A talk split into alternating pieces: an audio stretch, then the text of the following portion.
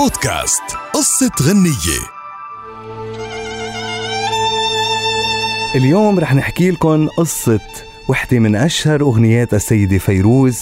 أغنية وطنية بامتياز هي الأشهر والأكثر انتشارا. بحبك يا لبنان وكيف ولدت هذه الأغنية ما بين الأخوين رحباني وسعيد عقل.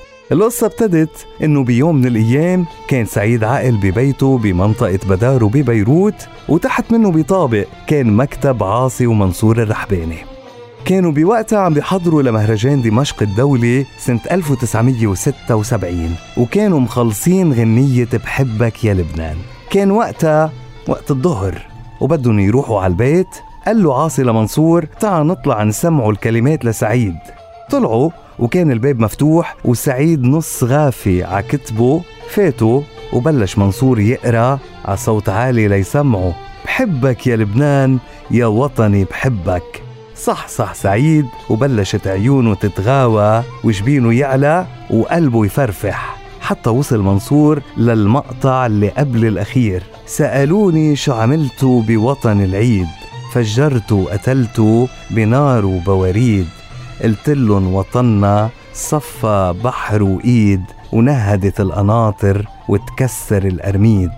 هون سعيد رجع غمض عيونه وكأنه رجع غفي. نكز عاصي وقال له يا معلم يا معلم فاق سعيد همدر وزمجر وعيط لأول مرة وقال لهم هالمقطع بيروج لتسمية حرب لبنان بالحرب الأهلية بكرة التاريخ بياخد الحجج من أغانيكن مش من شبكة الأخبار. عيب عليكن تروجوا ليلي بيذيعوه بالأخبار وصفن سعيد عقل طلع بالسما بسما بيروت وقال له كتوب كتوب يا عاصي سألوني شو صاير ببلد العيد.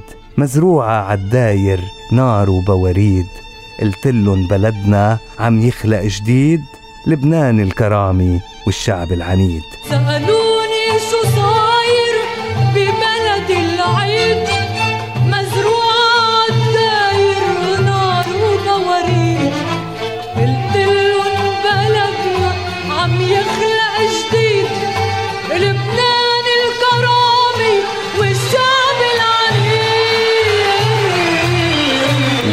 صارت واكتملت بحبك يا لبنان بين الرحابنة وسعيد عقل لتكون من أروع وأشهر ما غنت السيدة فيروز.